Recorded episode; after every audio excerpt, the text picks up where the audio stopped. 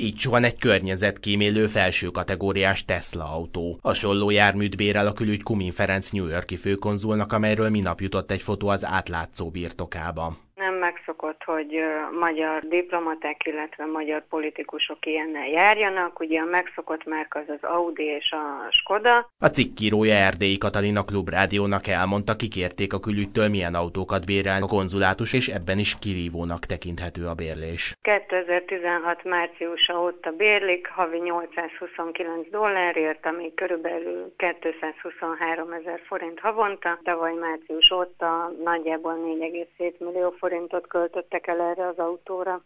Amennyiben átlátható módon történik, akkor elfogadhatónak tartja az autóbérlést a korábbi washingtoni magyar nagykövet.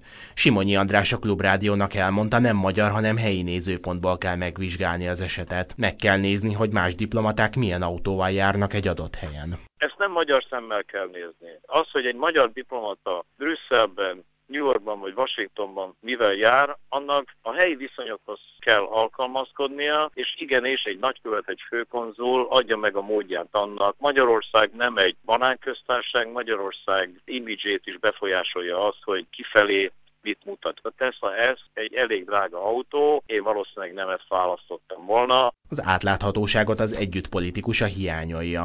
Hajdunóra a Klubrádiónak elmondta Kumin Ferenc munkájával kapcsolatban több kérdés is felmerül általában nem azzal kerül a hírekbe a magyar sajtóban, hogy hogyan mozdította elő a magyar-amerikai kapcsolatokat, hanem ilyen hírekkel kapcsolatban, hogy 2014-ben elkezdte a főkonzuli működését, akkor az első látogatásainak az egyike az a New York Times szerkesztőségeibe látogatott el azért, mert ő azt mondta, hogy túl sok kritikus cikk jelenik meg Magyarországgal szemben. A konzulátus Manhattani épületében idén márciusban tartottak egy CEU öreg diák találkozót, ahol Kumin Ferenc méltatta az egyetemet.